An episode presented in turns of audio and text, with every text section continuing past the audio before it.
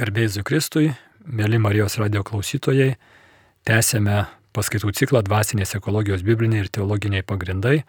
Girdite laidą Katechezė, laidą vedu aš, vadovau Katalikų teologijos fakulteto dėstytojas daktaras Artūras Lukaševičius.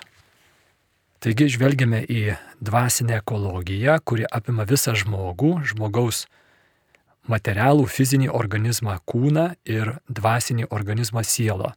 Ir būtent žiūrime į žmogų kaip tų dviejų organizmų vienumą. Katekizmas sako, kad žmogus sudaro ir sielos, ir kūno vienovė. Mes įpratę matyti mūsų fizinį organizmą kūną kaip sudėtingą įvairių dėsningumų turinčią sistemą.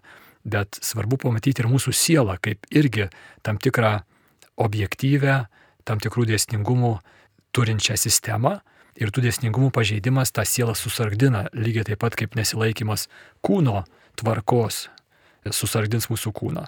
Ir čia labai svarbus tas principas, kad uh, iš esmės nusidėlis nubaudžia patį save.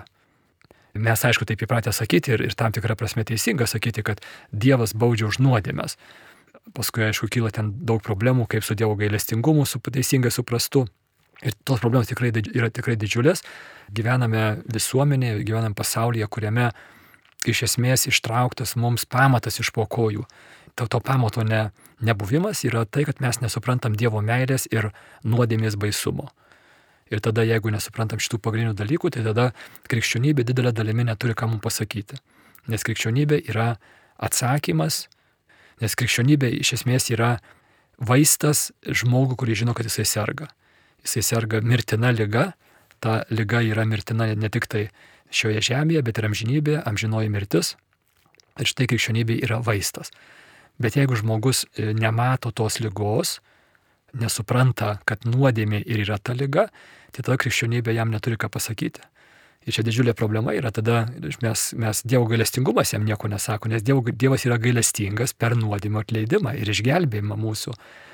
Tai štai čia labai svarbus dalykas pamatyti, kad tai, kas vyksta šiame pasaulyje, ypatingai tie didžiuliai sielos sužeistumai, kuriuos matome per psichinius e, susirgymus ir, ir tą psichinę visą kentėjimus, tos tą nerimą didžiulį, yra didelė dalimi, yra dvasinių problemų pasiekmė, yra simptomas, tai kas matosi išoriškai, o problemos yra dvasinės. Ir specialistai jau daug metų kalba apie tai, kad dvasinės problemos reiškiasi ir mūsų kūne ir mūsų psichikoje, visame organizme. Žmogus yra vientisas, žmogus yra kūno ir sielos vienovė, labai artimai susijusi vienovė. Ir tai, ką mes darom su savo siela, su visais jos lygmenimis, įtakoja visą žmogų.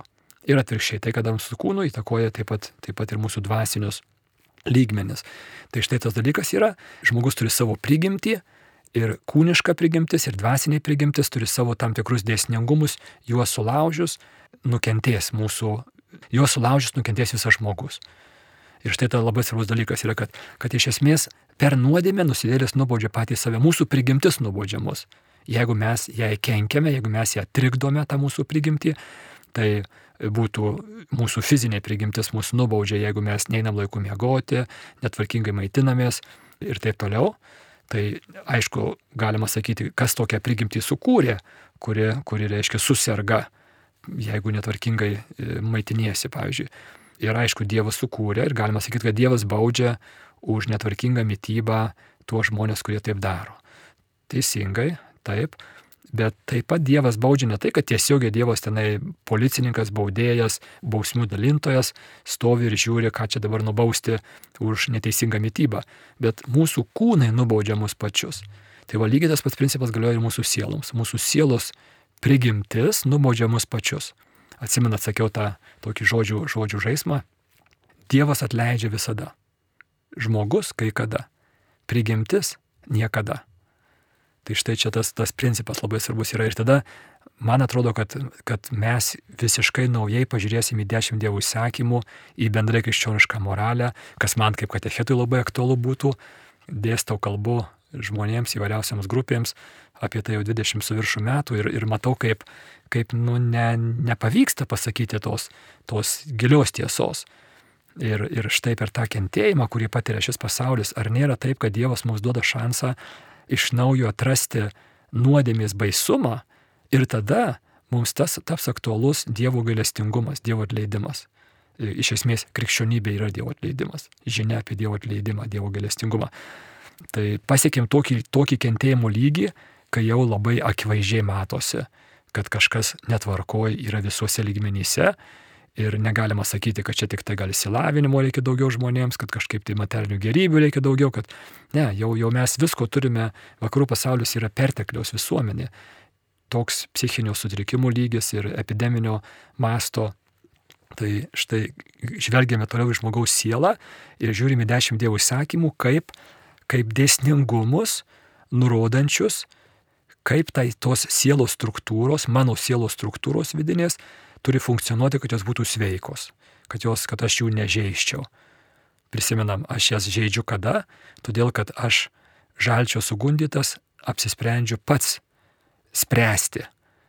Kai aš žalčio sugundytas, e, nusprendžiu pats spręsti, kas yra gera ir kas yra bloga. Tai yra, tai yra aš sakau Dieve, kurėjau, ribų brėžėjau, tu nenori man laimės. Aš savo laimės noriu ir aš žinau, kad man reikia tų gerų dalykų, pripažinimo valdžios malonumų, e, didesnio kiekio, didesnio dažnumo, negu tu numatęs esi. Aš per tai bandysiu būti laimingas. Ir tada mes pažeidžiam tas struktūras, ir su, sužalojam savo sielas ir tos sielos pradeda sirgti, iš esmės nelaimingumu sirgti. Ir gali tas nelaimingumas nueiti iki amžinojo nelaimingumo. Tai štai praeitą kartą pažiūrėjome į pirmosius, į dekalogą kaip visumą, pažiūrėjom, trumpai pažiūrėjome į pirmosius tris įsakymus ir šiandien dėmesį sutelksiu ties ketvirtojų įsakymų. Pirmieji trys įsakymai reglamentuoja mano santykių su mano kurėju. Ir sako, neturėk kitų aukščiausių vertybių, neturėk kitų dievų, biblinė kalba kalbant. Tavo širdies sostė turi, turi būti tas, kuris vertas tenai būti. Tai yra aukščiausia, aukščiausia, aukščiausia vertybė, pats visų vertybių kūrėjas, tai yra Dievas. Ir trys įsakymai šitie reglamentuoja mano santykių su juo. Ir iš esmės, jeigu aš tą padaryčiau, jeigu aš laikyčiausi pirmojo įsakymu, tai nu, psichinių sutrikimų nežinau, nesu ten medicinos specialistas, nežinau, gal ten fiziologiškai, chemiškai kažkaip gali būti, bet iš esmės, iš esmės didžioji dalis išnyktų. Pirmasis įsakymas juos panaikintų. Likę septyni įsakymai nuo ketvirtojo iki dešimtojo reglamentuoja mano santykių su artimu, su kitu žmogumi. Ir kreipkime dėmesį, tarptų septynių įsakymų pirmasis yra gerb tėvą ir motiną Atrodytų, bet argi nėra svarbiausias iš jų nežudyk. Ir štai keistas dalykas, bet reiškia, pirmasis iš jų yra kalbantis apie mano santykį su mano žemiškaisiais tėvais. Ir vėl, kaip praeitą kartą sakiau, pakartoto įsakymo knygos penktajame skyriuje išvardinti dešimt dievų įsakymų ir ketvirtas įsakymas skamba taip. Gerb savo tėvą ir motiną, kaip viešpats tavo dievas tau yra įsakęs, kad ilgai gyventume ir tau sektųsi. Šitas įsakymas pakartoja tai, ką vėliau pakartoto įstatymų knygos šeštame skyriuje kalbam apie visą dekalogą. Irgi šventas raštas labai tiesmukai pasako, kad dešimt dievų įsakymų reikia laikytis, kad tau sektųsi žmogau, kad tavo vaikams sektųsi, nes tie įsakymai yra skirti mano geroviai ir tada artimo geroviai. Bet tai yra, eina kartu iš tikrųjų tie du dalykai - mano gerovė ir artimo gerovė. Čia, čia tiek ta situacija, kur abu laimi. Mes esame įpratę gyventi visuomenėje, kurioje vienas laimi, kitas pralaimi. Ir labai retai kada būna, kad abi pusės laimi. Tai čia yra abi, arba abi pusės laimi, arba abi pusės pralaimi. Ir mes laikomės tų dešimt dievų įsakymų, kadangi jie atitinka mano prigimtį. Tie įsakymai. Taigi, gerb savo tėvą ir motiną, kaip viešpats tavo dievas tau yra, yra tau įsakęs, kad ilgai gyventumai. Ilgamžiškumas, ilgas gyvenimas, vėlgi žiūrėkime labai įdomi sąsaja tarp fizinio kūno ilgamžiškumo, kad ilgai gyventumai, ir dvasinių principų, ir dvasinės tvarkos. Jeigu tu laikysiesi dvasinių principų, tai ir tavo kūne tas atsispindės. Žmogus yra kūno ir sielos vienovė. Ir tai, ką mes darom su savo siela, netvarka sieloje, išsireikš problemomis kūne ir atvirkščiai. Tas ryšys su gerbu nurodytas labai tiesmukai, kad ilgai gyventume ir tau sektųsi. O kuriejų ribų pažeidimas neša griovimą, tai yra nuodėmė. Dabar kągi reiškia tas įsakymas gerbti tėvą ir motiną? Labai ties, tiesiogiai, pirmiausiai, tai nepilnamečiai vaikai paklūsta, pilnamečiai vaikai savo tėvams padeda, visi tiek pilnamečiai, tiek nepilnamečiai savo tėvus laiko pagarboje. Toks vat, pats pirmasis šito įsakymo ir pati pirmoji tokia tiesioginė prasme. Toliau, šitas įsakymas taip, taip pat reglamentuoja tėvų santykius su vaikais. Tėvai rūpinasi savo vaikais, laikydamės iš to įsakymo ir juos auklėja. Kadangi vaiko auklėjimas apima rūpinimas jo gerbuviu, tai ne tik tai kūno, ne tik tai aš savo vaikus maitinu, žiūriu, kad jiem būtų, kad jie būtų šiltai, šiltai gyventų, reiškia, turėtų visų materialių dalykų, bet taip pat aš juos auklėju. Auklėjimas įeina į šito įsakymo laikymasi. Taip pat šitas įsakymas apima ir kitus hierarchinius santykius. Valdiniai paklūsta teisėtiems valdžios reikalavimams. Labai svarbu teisėtiems. Tuoj truputį apie tai pakalbėsiu. Valdžios atstovai valdo tarnaudami bendrajam gėriui. Škia valdos atstovai ne panaudoja tą savo valdžią savęs įtvirtinimui ar, ar savęs praturtinimui, bet valdo tarnaudami, kad visiems būtų kuo geriau. Ir dabar, ar mes visada privalom paklusti valdžios reikalavimams? Katekizmas sako, kad mes privalom paklusti tiems valdžios reikalavimams, kurie neprieštarauja prigimtiniam moraliniam įstatymui.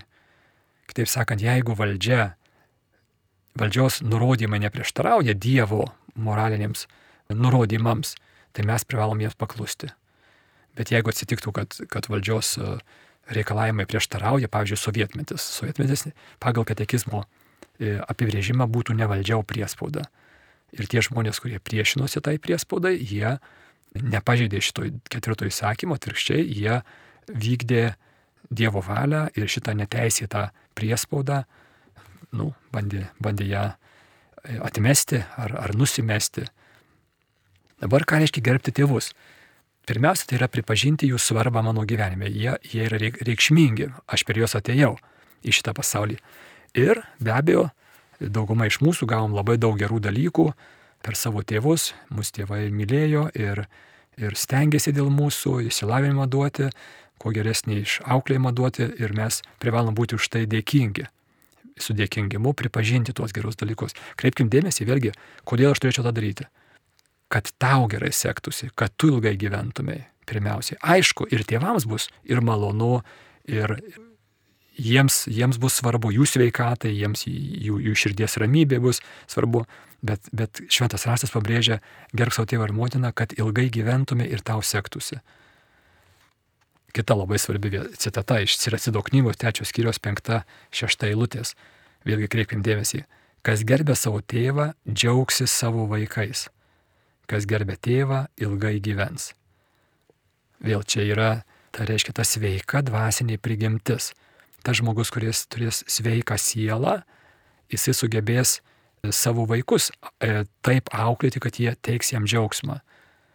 Labai svarbus tas principas, kad mes patys nes, ne, ne, nesužalotume savo pačių dvasinės prigimties.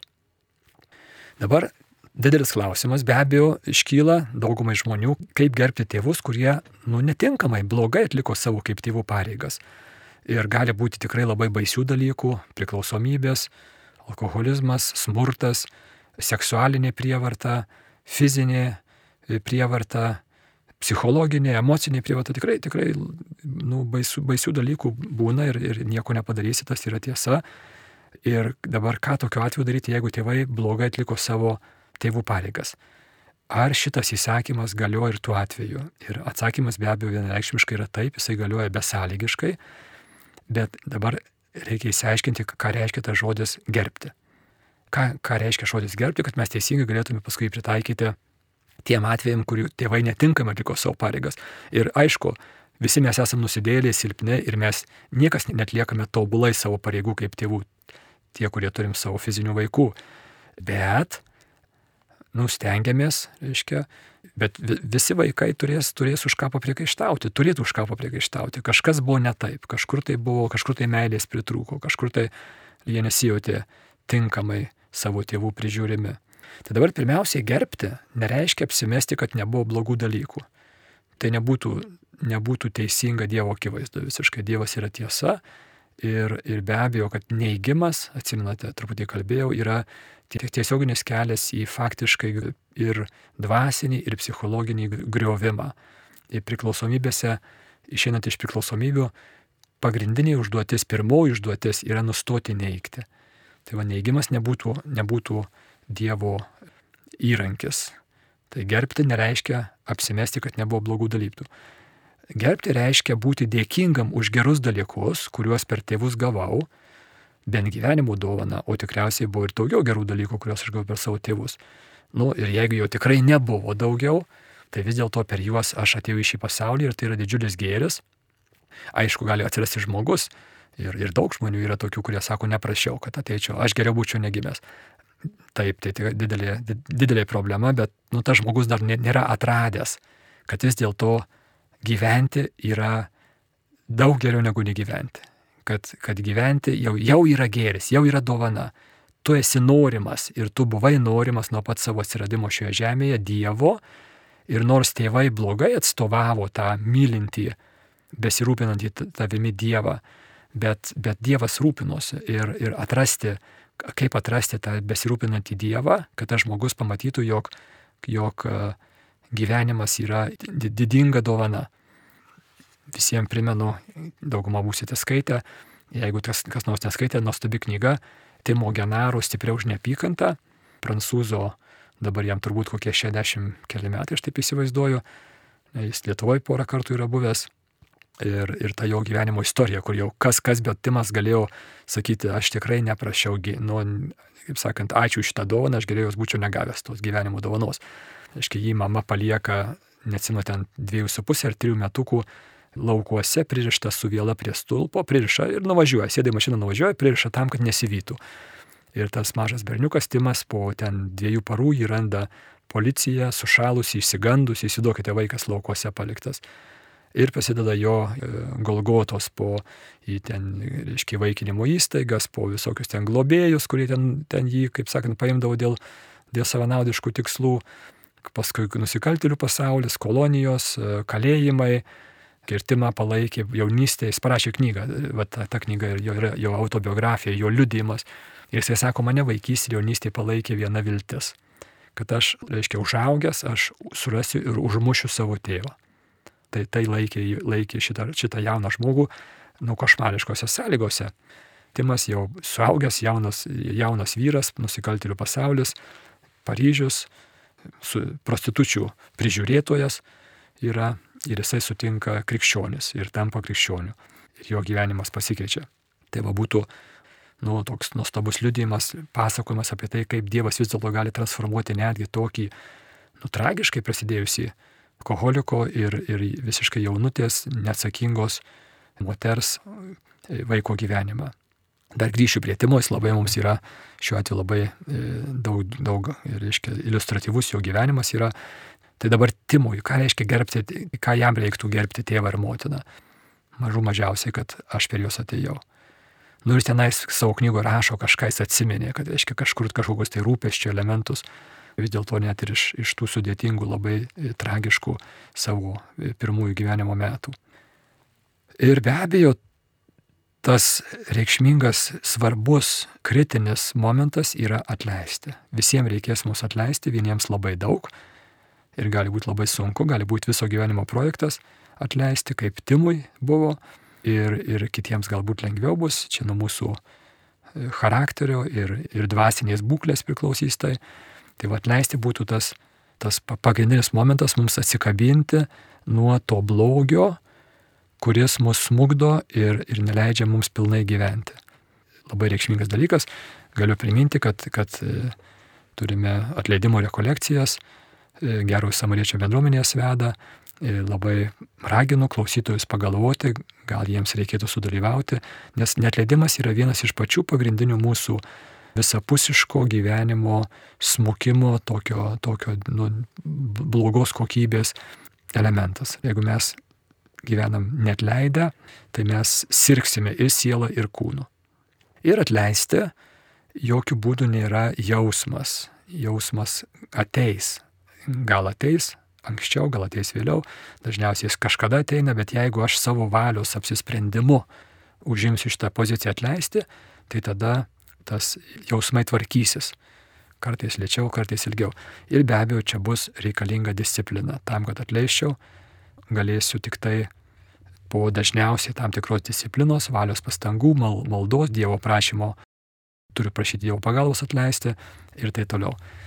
E, ir tada tampa įmanomas tas atsikabinimas e, nuo, nuo to, tos neapykantos, e, to pykčio, kuris laiko sukaustęs mane ir neleidžia man įsiskleisti.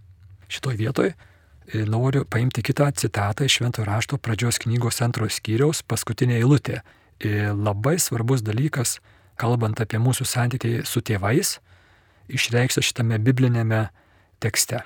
Atsiminate, antras skyrius kalba apie vyro ir moters sukūrimą, jie yra padovanojami vienas kitam asmenų bendrystėj ir tada e, Adomas pirmą kartą Biblijoje išgirstame jo balsą, jisai pragysta džiaugsmo giesme pagaliau, kūnas mano kūno ir kaulas mano kaulo, ji bus vadinama žmo, žmona, nes iš savo žmogaus paimta.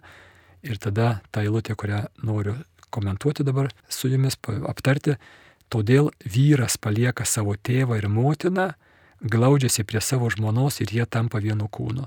Čia labai svarbus elementas to vat, santykio, teisingo santykio su tėvais. Šitą santykį reglamentuoja ketvirtas įsakymas - gerb savo tėvą ir motiną.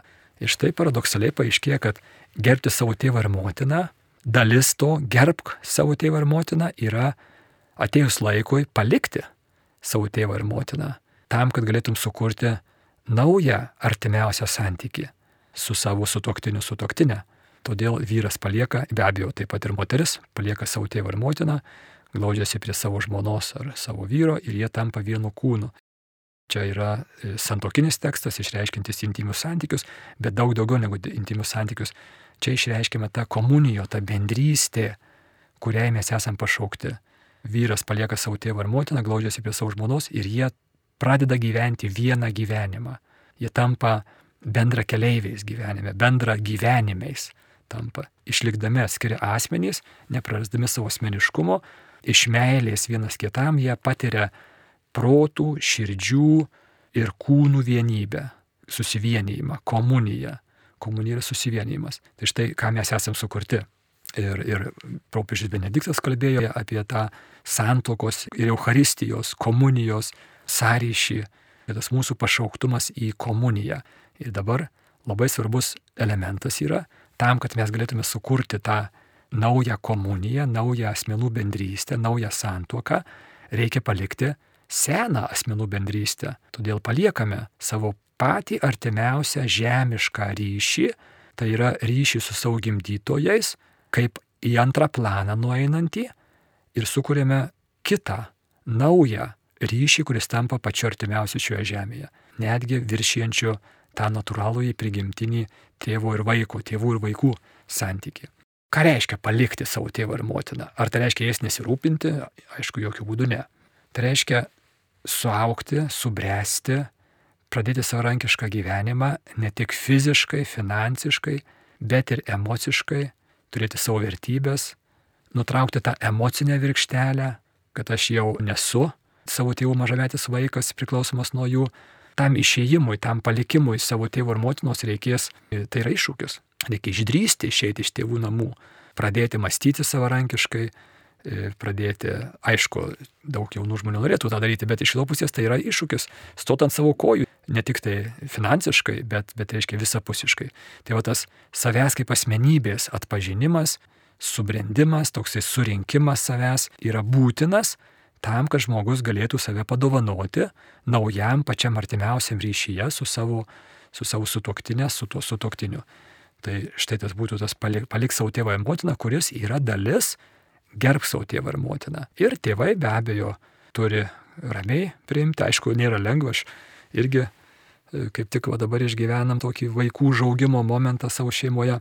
Ir yra tam tikras iššūkis, reiškia, ramiai priimti, kad aš jau nekontroliuoju savo suaugusių vaikų, jie turi savo gyvenimus ir aš negaliu kaip mažamečių tenai prižiūrėti tvarkos ar švaros ar kokių tai mytybos įpročių, viskas. Aiškiai, jie yra savarankiški, jie būtų neteisinga, jeigu aš ten kiščiausi ar, ar, ar iš jų kažkokiu tai ataskaitų reikalaučiau, ar, ar juos tikrinčiau.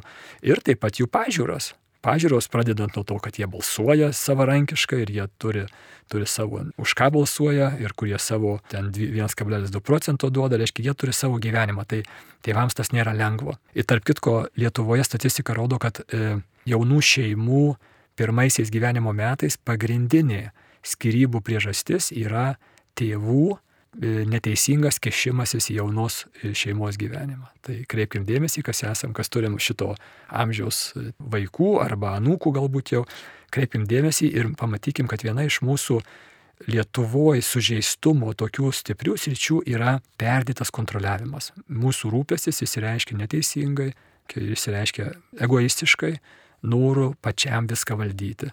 Ir atrodo, kad oi iš meilės, oi aš geriau žinau, Ne, ne, ne, ne, čia yra, čia yra neteisingi, čia yra noras valdyti, noras save, bu, reiškia, būti savo centre visko. E, mano paties kažkokie tai vidiniai nesaugumai čia kalba ir tai yra labai, čia jokių būdų nemailė yra ir nėra lengva tą padaryti.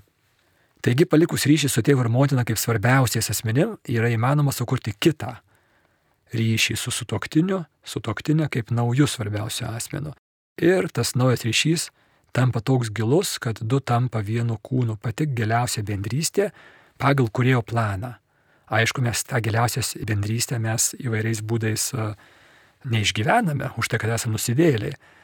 Ir kadangi mes esame nusidėliai, sužeisti žmonės, nesugebantys įvykdyti Dievo plano, Dievo meilės plano, Dievo svajonės mūsų gyvenimams, mūsų santokos nėra tokios, kokios turėtų būti kur sekant eilutė sako, jėdu buvo nuogi žmogus ir jo žmona ir nejauti jokios gėdos. Pirmosiose paskaitose šitą komentavau, eilutė labai svarbi mums, šitą eilutę šiais laikais labai svarbi. Jėdu buvo savimi, vyras ir moteris, jie nes, neslėpė to, kas jie iš tikrųjų yra ir nematė tame jokios grėsmės. Būtų galima taip e, šitą eilutę e, išsakyti šiandieninę kalbą. Tas buvimas savimi, e, savęs prieimimas, saugumas būti tuo, kas aš esu, va šitie dalykai reiškia yra, yra žmogaus, kurio siela yra sveika. Ir tas, tas sielos sveikumas, jau labai svarbi dalis, yra teisingas santykis su savo tėvais, kurie mane užaugino. Ir aš tuo pačiu metu nematau e, tų tėvų kaip e, kontroliuojančių, aš teisingai ribas nubrėžiau, tie tėvai tas ribas prieimė, mūsų santykiai išliko geri, laiminimo santykiai, arba kitaip sakant, gero linkėjimo santykiai. Žmogus, vyras ir moteris, suaugę, jauni, vyras ir moteris, kurie turi šitą e, sritį savo sielos sveiką ir tvarkingą, jie turi galimybę užmėgsti naują santykį ir būti nuogi. Čia ne fizinis nuogumas, čia yra daug giliau, čia yra personalinė, reiškia, asmens buvimas savimi, as, personalinis nuogumas. Tai yra, reiškia, gebėjimas būti artimame ryšyje su kitu asmeniu ir nepabėgimas iš to ryšio. E, tai va čia būtų labai svarbus, reiškia, laimingos santokos elementas. Kreipiu jūsų dėmesį, jisai kyla iš gebėjimo sveikai, teisingai palikti savo tėvą ir motiną ir išstartuoti į savarankišką gyvenimą. Pakilti kaip jaunas paukštis iš lizdo, pakylas dėkingas savo tėvams, bet jisai eina gyventi savo gyvenimą. Na ir dabar vertėtų kreipti šiek tiek dėmesio, pažiūrėti, kasgi mums trukdo tą padaryti, kasgi mums trukdo, kas mus pririša prie tėvų ir trukdo juos teisingai, sveikai palikti. Pabrėžiu, tas palikti nereiškia, kad, kad aš nesirūpinsiu jais, ar aš juos senai apleisiu, ne, ne, ne. Čia palikti yra širdyje giliai gebėti atsiskirti nuo jų sudėkingumu už tai, kad jie mane užaugino, išauklėjo, mylėjo ir tuo pačiu metu dėkingas savęs atpažinimas, kaip, kaip pasiruošusio pradėti gyventi e, savo gyvenimą, kaip aš esu asmuo, esu laisvas, protingas, pasirinkimus darantis asmuo, savim pasitikintis, aš jau galiu pradėti gyventi pats. Nesu tiesiogiai e, priklausomas nuo, nuo kitų žmonių ir šiuo atveju pačių artimiausių, tai yra tėvų. Taigi klausimas, kas pririša mus prie tėvų ir trukdo juos sveikai ir teisingai palikti. Sveikai palikti tėvą ir motiną yra įmanoma tik juos iš tikrųjų gerbint ir mylint. Gerbti, tas ketvirtas įsakymas. Ir, ir paskui žinome, kad Jėzus visą dekalogą įrėmina, įprasmina per didį įsakymą, tai yra Dievo ir artimo meilės įsakymą. Taigi, gerbti ir mylėti tėvus, kur nei gerbimas, nei meilė savo esmėje nėra jausmas, nors turi savo jausminę išraišką, bet ir pagarba ir meilė yra visų pirma valios apsisprendimas. Taigi, išskirčiau tokias tris pagrindinės kliūtis - sveikai palikti tėvą ir motiną. Pirmas būtų net leidimas. Net leidimas ir vat, vėlgi grįžkim prie to, prie to pavyzdžio su Timo Genaru Įsivaizduokime, jeigu jisai būtų net leidęs savo tėvui ir, nu, ten jį nužudęs ar, ar, ar kažkaip sužalojęs, ar visai nenužudęs, bet tą neapykantą jisai būtų išlaikęs, reiškia, savo tėvui ir motinai. Tai, tai va dabar šie, šiuo metu Timas, Timas gyvena pietų Prancūzijoje, turi gražią didelę šeimą, net nesimenu, kiek ten tų vaikų, ar, nu, bet gausi šeima, ten šeši ar, ar, ar kažkiek tai vaikų. Ir jisai sugeba turėti tarnystę, priima jaunus vyrus, kenčiančius nuo priklausomybių arba nuo polinkio smurtauti, priima į savo tokią šeimos bendruomenę, kur tie jauni vyrai gali rasti, įsivesti tvarką į savo gyvenimą, į savo jausmus, savo mintis. Reiškia, Timas tokia, kaip ir tokia reabilitacijos bendruomenė turi.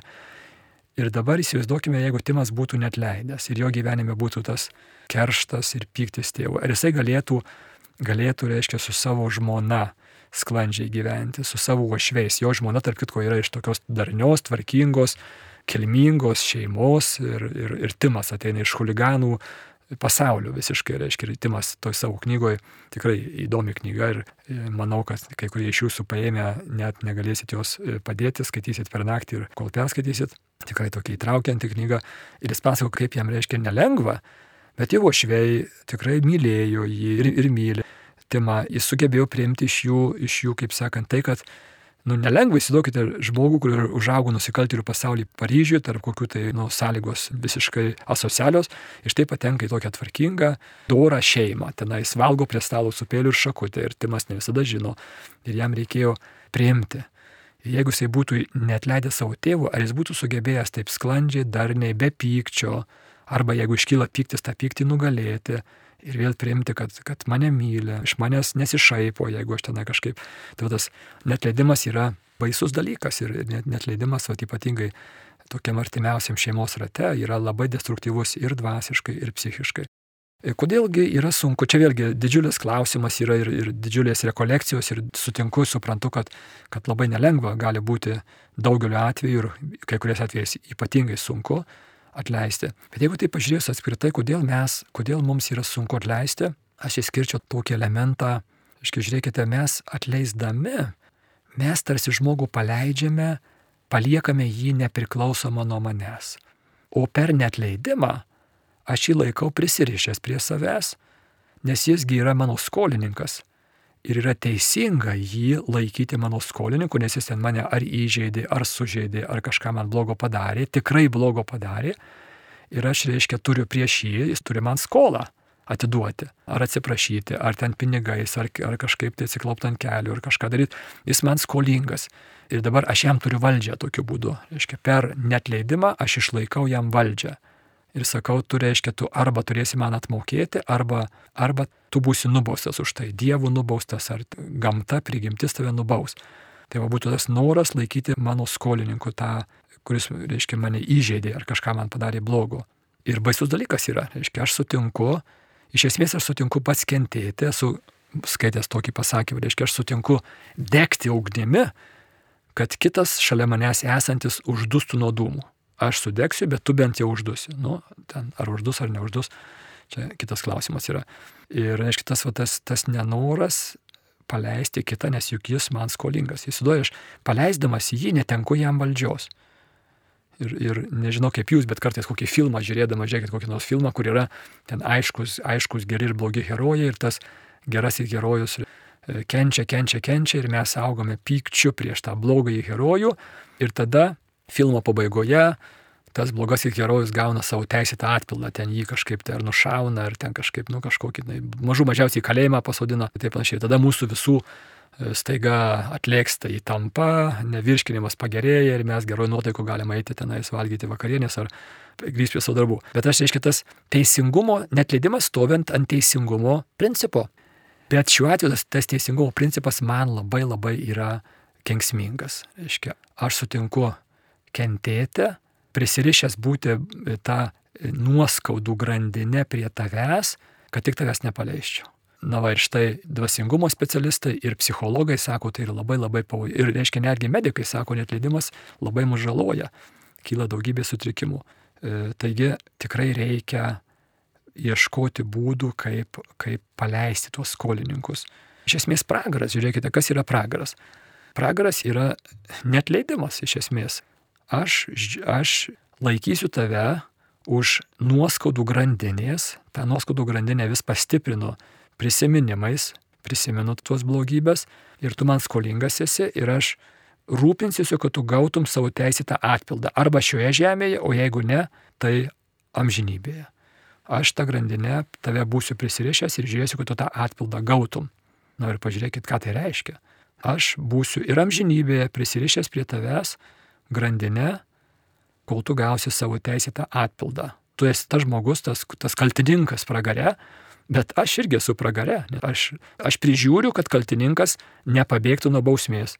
Kadangi bausmėm žinoji, tai tada ir aš būsiu toj vietoj, kur jisai kenčia amžinąją bausmę. Ir verta pamastyti šitą iliustraciją, pagalvoti, kaip tas pats pragaras pasireiškia mūsų gyvenimuose, kur mes irgi sutinkame kentėti, bet nepaleisti to, kuris prieš mane yra nusikaltęs. Tai atleidimas būtų raktinė e, savybė. Kaltinimas. Kaltinimas yra labai, labai mums būdingas, mes visi esam puolę nusidėlę, mes visais įmanomais būdais norime nusimti atsakomybę už savo gyvenimo nesėkmes ir problemas ir permesti ją kažkam tai kitam. Ir neišvengiamai reiškia kaltinam tėvus ar tenai auklėjimo sistemą, tarybinius laikus, ar valdžią, ar dabartinę valdžią, ar, ar kažkokius tai kultūrinius elementus. Žodžiu, mes visais įmanomais būdais kažkas tai kitas kaltas. Yra baisus dalykas, yra kaltinimas, yra, yra reiškia, savęs paralyžavimas. Nes aš esu vargšė auka, mano kančios kyla iš kitų ir aš nieko negaliu pakeisti. Jeigu nieko negaliu pakeisti, tai tada, nu, belieka ir likti tose nelaimėse, kuriuose esu. Ir, reiškia, tik tai atsakomybės prisėmimas, kad aš galiu kai ką pakeisti, ne viską, praeities negaliu pakeisti, bet aš galiu esamo situacijoje kažką tai daryti, keisti aplinkybės, dabartinės aplinkybės, galiu juose veikti atitinkamai. Tai va, kaltinimas yra atkyla tiesiogiai, tiesiogiai iš atsakomybės neprisimimo. Tėvų kaltinimas yra tai, kas mus, mus pririša prie jų ir mes negalime nuo jų e, sveikai atsiskirti ir tikriausiai ir, iš filmų, ir iš knygų, gal kartais ir iš aplinkos e, artimos turim pavyzdžių, kur reiškia tas, tas negebėjimas atleisti ir kaltinimas yra giminaičiai dvasiniai, paralyžiuoja e, žmogaus e, sveiką, laimingą gyvenimą jau jau paties šeimoje. Ir paskutinis yra, kurį pabrėžčiau, yra kaltė. Tai yra negebėjimas arba nenoras atsiprašyti. Negebėjimas priimti atleidimą iš kito.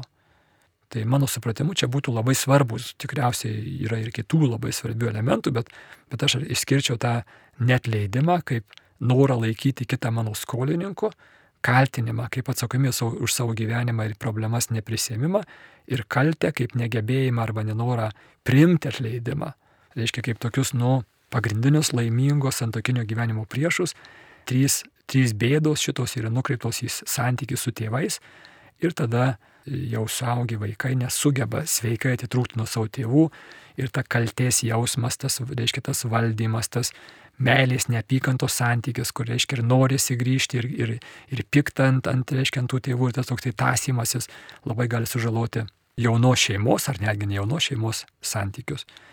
Ta citata ir atsido, užbaigsiu su ją, kas gerbė savo tėvą, džiaugsis savo vaikais, kas gerbė tėvą, ilgai gyvens svarbus dalykas, kaip matome, dvasiniai principai tiesiogiai daro įtaką mūsų gyvenimo kokybei. Šiame pasaulyje ir be abejo šis pasaulis yra pasirengimas amžinybei, taip kaip gyvename čia ir tas pats prasitęs į amžinybę. Darome dabar pasirinkimus krypties, kuri bus pratesta, reiškia, į begalybę, amžinybę. E, tai šiandien būtų tiek, primenu, kad jau prasidėjo registracija į vasaros stovyklą Dvasinė ekologija visiems. Daugiau informacijos rasite suvedę internete šitą pavadinimą. Kas turite galimybę, labai kviečiu, ten bus paskaitos apie šituos pačius klausimus, bet taip pat turėsime diskusijas ir turėsime e, fizinius pratimus, kur bandysime įgyvendinti tą kūno ir sienos, patirti tą kūno ir sielos vienovę. Tai kas tik tai galite, Kviečiu pasidomėti. Girdėjote laidą Katechezė, ją vedžiau aš, VDU Katalikų teologijos fakulteto dėstytojas Artūras Lukaševičius. Likite sveiki.